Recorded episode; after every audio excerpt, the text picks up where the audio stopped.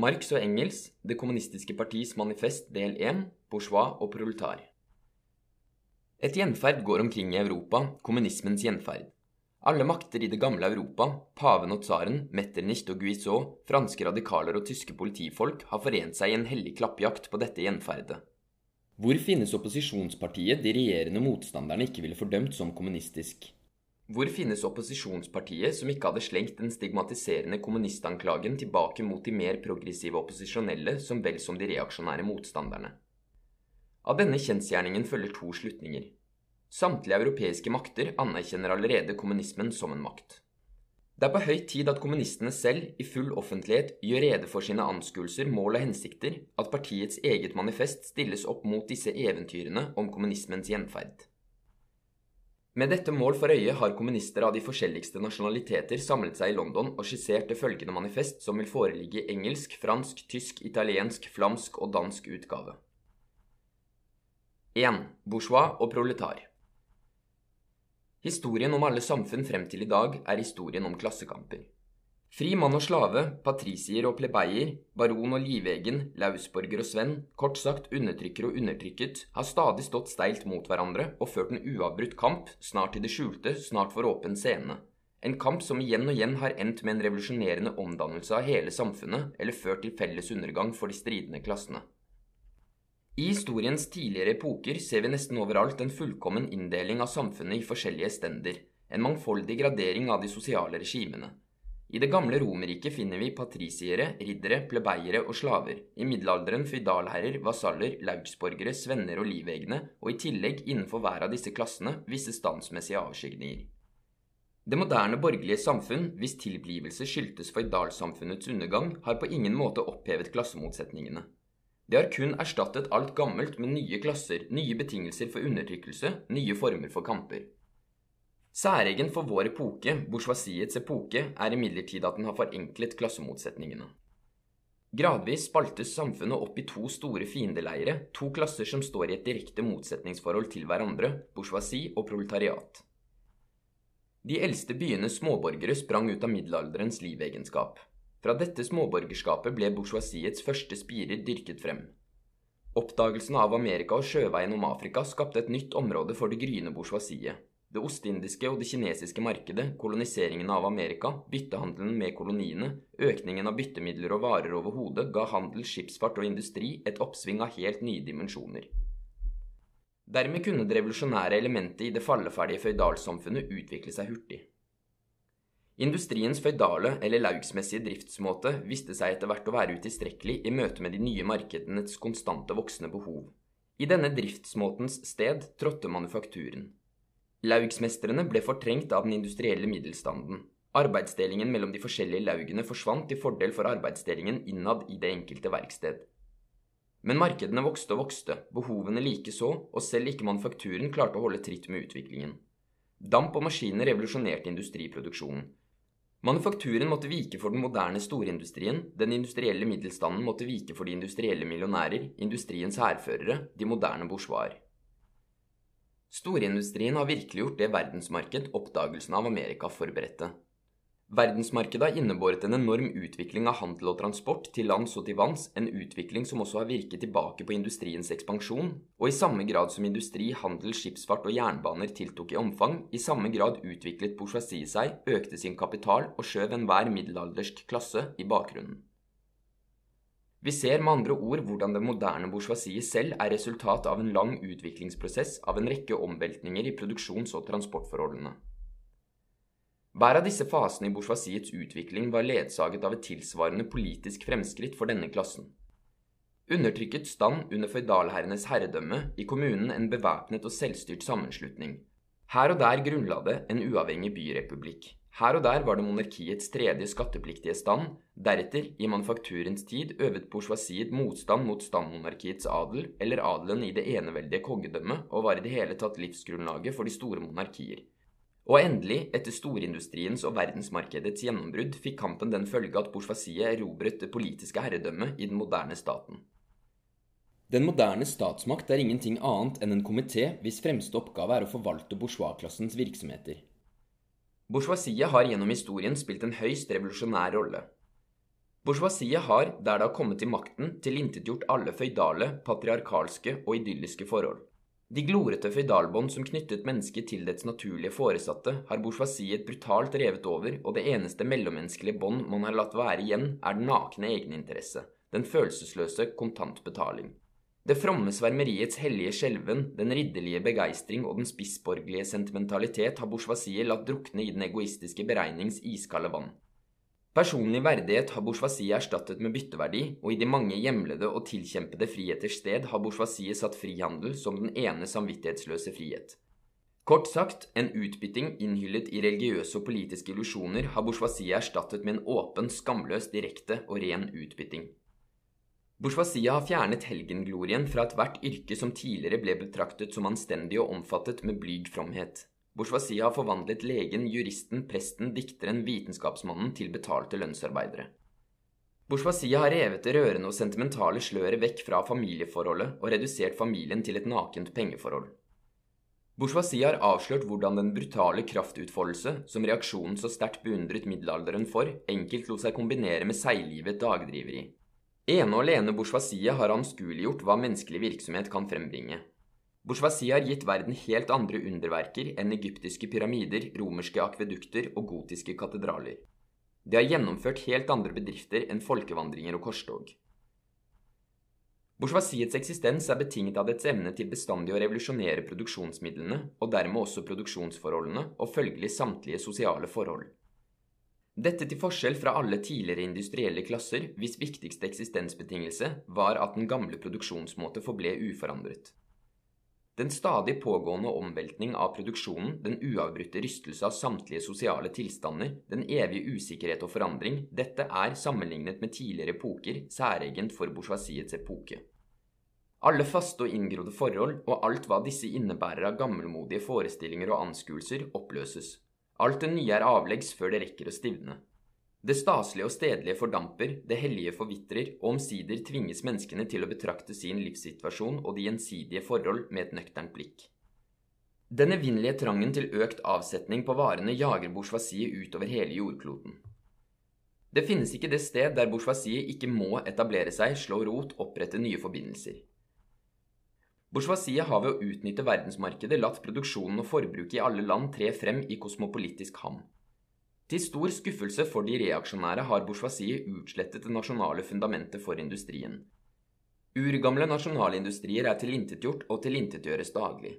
Det er blitt en livsoppgave for alle siviliserte nasjoner å fortrenge gamle industrier gjennom å etablere nye industrier. Nye industrier som istedenfor å bearbeide de hjemlige råstoffene, bearbeider råstoffer fra de mest fjerntliggende områder. Nye industrier hvis produkter ikke utelukkende forbrukes i hjemlandet, men samtidig i alle verdensdeler.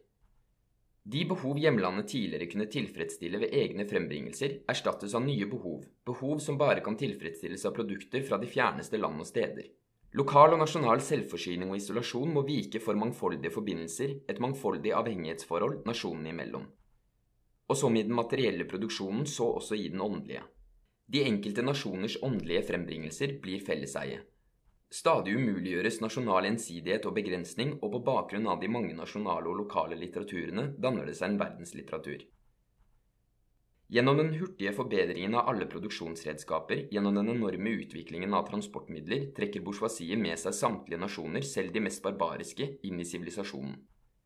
De lavtprisede varene er det tunge artilleri bourgeoisiet tar i bruk for å legge alle kinesiske murer i grus, samt tvinge barbarenes mest hårnakkede fremmedad til kapitulasjon. Alle nasjoner som ikke vil gå til grunne, tvinges til å absorbere bourgeoisiets produksjonsmåte. De tvinges til å innføre den såkalte sivilisasjonen der de bor, ja, de tvinges til å bli bourgeoiser. Kort sagt, bourgeoisiet skaper en verden i sitt eget bilde. Bourgeoisiet har underkastet landsbygda byens herredømme. Bourgeoisiet har grunnlagt kolossale byer, i rikt monn har det sørget for at bybefolkningen har økt i forhold til den landlige befolkning, hvilket innebærer at en stor del av befolkningen er blitt frigjort fra landlivets idioti. På samme måte som bourgeoisie har gjort landsbygda avhengig av byen, har det gjort de barbariske og halvbarbariske landene avhengig av de siviliserte statene. Slik har det gjort bondefolket avhengig av bourgeoisfolket og regenten av oksidenten. Bourgeoisiet opphever i tiltagende grad splittelsen mellom produksjonsmidler, eiendom og befolkning. Bourgeoisiet har fortettet befolkningen, sentralisert produksjonsmidlene og konsentrert eierskapet på ytterst få hender. Den nødvendige konsekvens var politisk sentralisering. Uavhengige, men løst forbundne provinser med forskjellige interesser, lover, regjeringer og tollbestemmelser blir komprimert til én nasjon, én regjering, én lov, én nasjonal klasseinteresse, én tollgrense. Bourgeoisiet har i løpet av sitt knapt 100 år lange klasseherredømme frembrakt mer omfattende og mer kjempemessige produksjonskrefter enn alle tidligere generasjoner til sammen. Beherskelse av naturkreftene, maskiner, kjemi anvendt i industri og jordbruk, dampskipsfart, jernbaner, elektriske telegrafer, oppdyrkning av hele kontinenter, seilbare elver, befolkningsgrupper så å si stampet frem av jorden, hvilket av de tidligere århundrer ante at slike produksjonskrefter slumret i det sosiale arbeidets skjød. Vi har altså sett i føydalsamfunnet oppsto de produksjons- og transportmidler som skulle danne grunnlaget for bourgeoisiet. På et bestemt trinn i utviklingen av disse produksjons- og transportmidlene var det ikke lenger samsvar mellom de forhold føydalsamfunnet produserte og fordelte under, den føydale organisering av jordbruk og manufaktur, kort sagt de føydale eiendomsforhold, og de allerede utviklede produksjonskreftene. Istedenfor å fremme produksjonen virket de føydale forhold hemmende, og de forvandlet seg til like mange lenker. Lenkene måtte sprenges, og de ble sprengt. I deres sted trådte den frie konkurranse, tilpasset den sosiale og politiske konstitusjon under bourgeoisklassens økonomiske og politiske herredømme. En lignende utvikling foregår rett foran øynene våre. De borgerlige produksjons- og transportforhold, de borgerlige eiendomsforhold, det moderne borgerlige samfunn som har tryllet frem disse voldsomme produksjons- og transportmidlene, alt dette minner om trollmannen som ikke lenger er i stand til å kontrollere de underjordiske makter han har manet frem. I flere tiår har industriens og handelens historie ikke vært annet enn historien om de moderne produktivkreftenes opprør mot de moderne produksjonsforhold, mot de eiendomsforhold som utgjør livsbetingelsene for bourgeoisiet og dets herredømme. Det er tilstrekkelig å nevne handelskrisene. Med jevne mellomrom vender disse krisene tilbake for ytterligere å så tvil om det borgerlige samfunns eksistensberettigelse. I handelskrisene blir ikke bare store deler av de frembrakte produktene tilintetgjort, også de allerede etablerte produktivkreftene utsettes for regelmessig tilintetgjørelse. I krisetider bryter det ut en sosial epidemi som for alle tidligere epoker ville ha fortonet seg som den rene absurditet, overproduksjonens epidemi. Med ett er samfunnet satt tilbake i en tilstand av midlertidig barbari. En hungersnød, en allmenn ødeleggelseskrig synes å ha avskåret samfunnet fra alle næringsmidler, industri og handel ser ut til å være utslettet. Og hvorfor? Fordi samfunnet er i besittelse av for mye sivilisasjon og for mange næringsmidler, for mye industri og for mye handel. Produktivkreftene som står til samfunnets rådighet, tjener ikke lenger til fremme av den borgerlige sivilisasjon og de borgerlige eiendomsforhold. Produktivkreftene er tvert imot blitt for voldsomme for disse forholdene, de hemmes av dem. Og så snart produktivkreftene overvinner denne begrensningen, bringer de hele det borgerlige samfunnet i uorden og truer den borgerlige eiendoms eksistensberettigelse. De borgerlige forhold er blitt for trange for den rikdom de selv har skapt.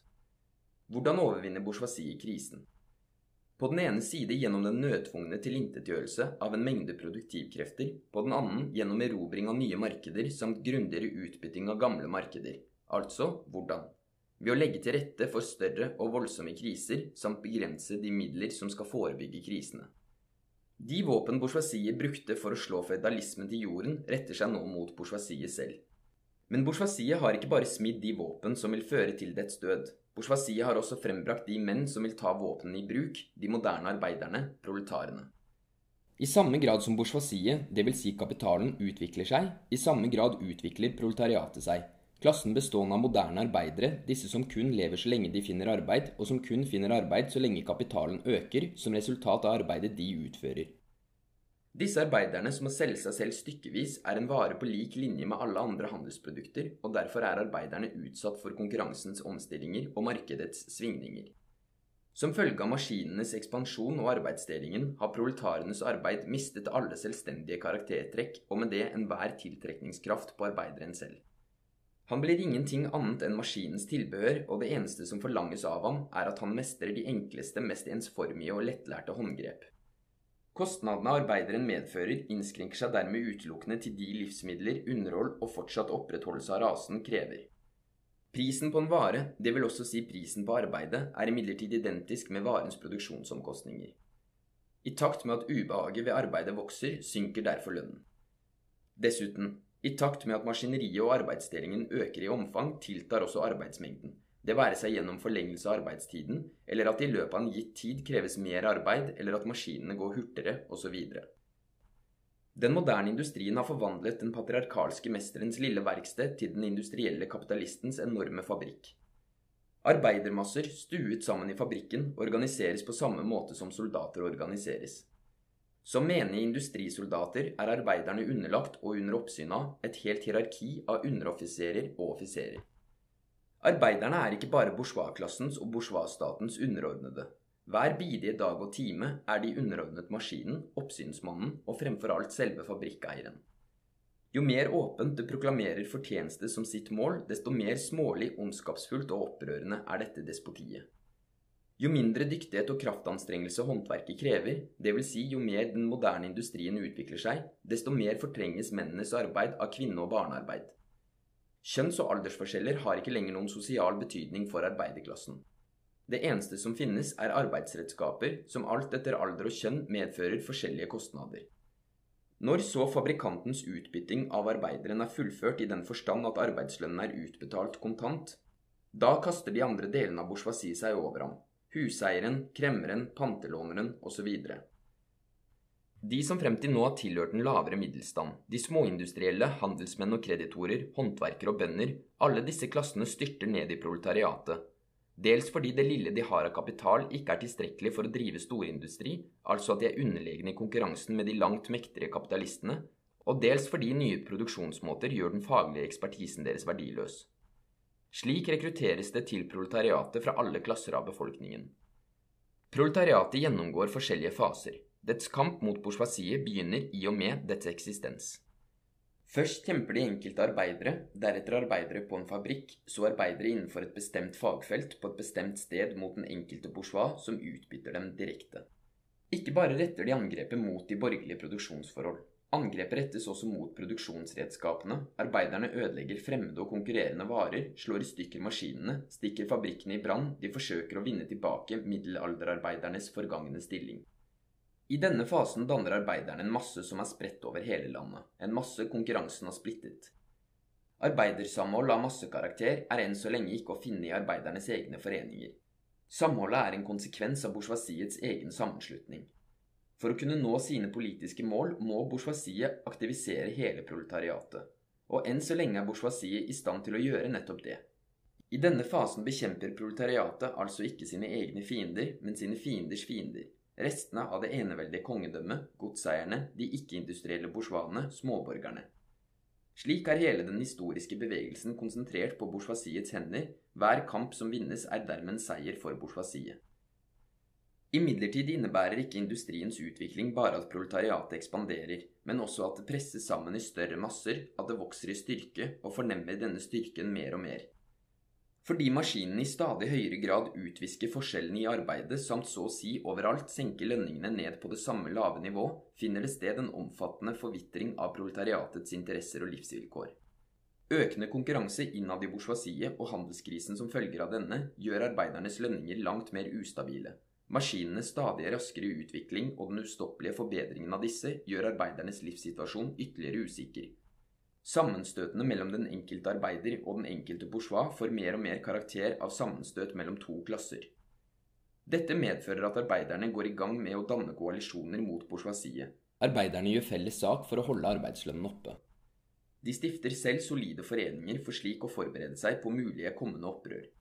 Her og der antar kampen form av kaotiske oppstander. Fra tid til annen seirer arbeiderne, men seirene er bare midlertidige. Det reelle resultatet av arbeidernes kamper er ikke den umiddelbare suksess, men at arbeidersammenslutninger tiltar i omfang. Transportmidlene, avlet frem av storindustrien og ustanselige vekst, setter arbeiderne i de forskjellige landsdeler i forbindelse med hverandre, og følgelig gagner transportmidlene arbeidernes sammenslutninger. Kun slike forbindelser sørger for at lokale kamper som overalt er av samme karakter, sentraliseres til en nasjonal kamp, en klassekamp. Men enhver klassekamp er en politisk kamp og sammenslutningen som middelalderens borgere med landeveiens hjelp brukte århundrer på å etablere, makter de moderne proletarene i løpet av få år å virkeliggjøre med jernbanens hjelp. Hele tiden blir denne organiseringen av proletarene som klasse, og dermed som politisk parti, sprengt av arbeidernes innbyrdes konkurranse. Men organiseringen gjenoppstår stadig på ny, sterkere, stødigere, mektigere. Den tvinger frem anerkjennelse av enkelte arbeiderinteresser i lovs form idet den drar nytte av bourgeoisiets indre splittelse. Et eksempel loven om titimersdagen i England. Sammenstøtene i det gamle samfunnet er på mange måter bestemmende for proletariatets utvikling. Bourgeoisiet befinner seg uavbrutt i kamp, først mot aristokratiet, deretter mot de deler av bourgeoisiet selv hvis interesser strider mot de industrielle fremskritt, og alltid mot bourgeoisiet i alle andre land. I samtlige av disse kampene ser bourgeoisiet seg tvunget til å appellere til proletariatet, benytte seg av dets assistanse, og slik trekke det med seg inn i den politiske bevegelsen. Bourgeoisene lar med andre ord sine egne dannelseselementer komme proletariatet til gode, dvs. Si at bourgeoisene lar sine egne våpen bli rettet mot dem selv. Som vi allerede har sett, fører industriens utvikling videre til at hele undergrupper av den herskende klassen styrtes ned i proletariatet, eller i det minste at livsvilkårene trues. Også disse gruppene sørger for å tilføre proletariatet en mengde dannelseselementer. Og endelig, i de tider da klassekampen nærmer seg den avgjørende fase, får oppløsningsprosessen innad i den herskende klassen, ja innad i hele det gamle samfunnet, en så heftig og voldsom karakter at en liten del av den herskende klassen river seg løs og slutter seg til den revolusjonære klassen, den klassen som holder fremtiden i sine hender.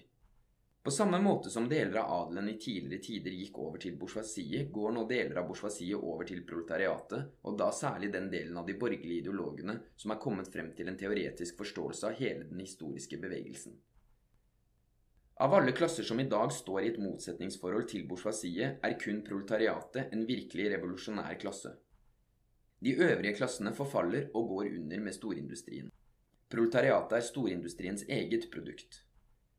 Middelstendene, den småindustrielle kjøpmannen, håndverkeren, bonden, utkjemper alle en kamp mot bourgeoisiet for å redde sin middelstandeksistens fra undergangen. Disse er altså ikke revolusjonære, men konservative.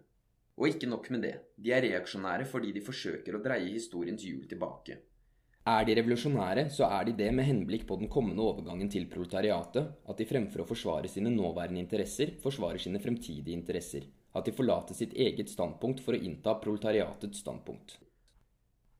Under en proletarisk revolusjon blir filleproletariatet, denne passive forråtnelse innenfor det gamle samfunnets laveste sjikt, på enkelte steder kastet inn i bevegelsen. Men pga. sin livstilstand er filleproletariatet langt mer tilbøyelig til å la seg bestikke i reaksjonære renkespill. Det gamle samfunnets livsvilkår er i og med proletariatets livsvilkår allerede ødelagt. Proletaren er eiendomsløs. Hans forhold til kone og barn har ikke lenger noe til felles med de borgerlige familieforhold. I England som i Frankrike, i Amerika som i Tyskland, har det moderne industriarbeidet, den moderne undertrykkelsen under kapitalen, fratatt ham enhver nasjonal identitet. Lovene, moralen og religionen er for proletaren borgerlige fordommer som skjuler like mange borgerlige interesser. Alle fordums klasser som erobret makten, har ved å underkaste hele samfunnet sine egne ervervelsesbetingelser strevet etter å opprettholde en tidligere vunnet livsposisjon. Proletarene kan bare erobre de sosiale produktivkreftene gjennom å avskaffe det de har av tilegnelsesmåter, og dermed avskaffe samtlige av de hittidige tilegnelsesmåtene. Proletarene har ingenting eget å forsvare. Alt de så langt har hatt av private garantier og forsikringer, må proletarene destruere. Frem til nå har alle bevegelser vært enten mindretallsbevegelser eller bevegelser i mindretallets interesse. Den proletariske bevegelsen er det overveldende flertalls selvstendige bevegelse i det overveldende flertalls interesse. Proletariatet, det nederste sjiktet i dagens samfunn, kan ikke løfte seg opp, ikke reise seg, uten at hele den lagvise oppbygningen som danner det offisielle samfunn, blir sprengt i luften. Til å begynne med er proletariatets kamp mot bourgeoisiet, om ikke ifølge sitt innhold, så i alle fall ifølge sin form, en nasjonal kamp. Proletariatet i hvert enkelt land må selvsagt først kvitte seg med sitt eget bourgeoisie. Da vi tegnet et bilde av de mest allmenne fasene i proletariatets utvikling, fulgte vi den mer eller mindre skjulte borgerkrigen innenfor det eksisterende samfunn til det punkt der den bryter ut i åpen revolusjon, og proletariatet, ved å styrte bourgeoisiet med vold, grunnlegger sitt herredømme. Som vi har sett, har alle tidligere samfunn vært tuftet på motsetningsforholdet mellom undertrykkende og undertrykkede klasser. Men for å kunne undertrykke en klasse må denne klassen være sikret vilkår som i det minste gjør det mulig å utholde slavetilværelsen. Under livegenskapet arbeidet den livegne seg frem til medlemskap i kommunen på samme måte som småborgeren under det føydale eneveldets åk trådte inn i bourgeoisiets rekker. Den moderne arbeideren derimot blir ikke hevet opp med det industrielle fremskrittet, men synker enda dypere ned i sin klasses vilkår. Arbeideren forvandles til en pauper, og pauperismen utvikler seg enda hurtigere enn befolkning og rikdom. Dermed trer det tydelig frem at bourgeoisiet ikke lenger er egnet som samfunnets herskerklasse, at det ikke lenger kan tvinge gjennom sin egen klasses livsvilkår i form av en overordnet lov. Bourgeoisiet er uegnet til å herske fordi det er uegnet til å sikre sin slave en eksistens, selv ikke innenfor slavetilværelsens rammer, fordi det er tvunget til å la slaven synke ned i en tilstand der det må fø ham istedenfor å bli ernært av ham. Samfunnet kan ikke lenger leve under bourgeoisiet, hvilket betyr at bourgeoisiets liv ikke lenger er forenlig med samfunnet. Den vesentligste betingelsen for bourgeoisklassens eksistens og herredømme er opphopningen av rikdom på private hender, dannelsen og økning av kapital, betingelsen for kapitalen er lønnsarbeidet. Lønnsarbeidet baserer seg utelukkende på arbeidernes innbyrdes konkurranse. Istedenfor å isolere arbeiderne gjennom konkurranse, skaper industriens fremskritt, som bourgeoisiet vilje og motstandsløst iverksetter, arbeidernes revolusjonære sammenslutning i forbundet.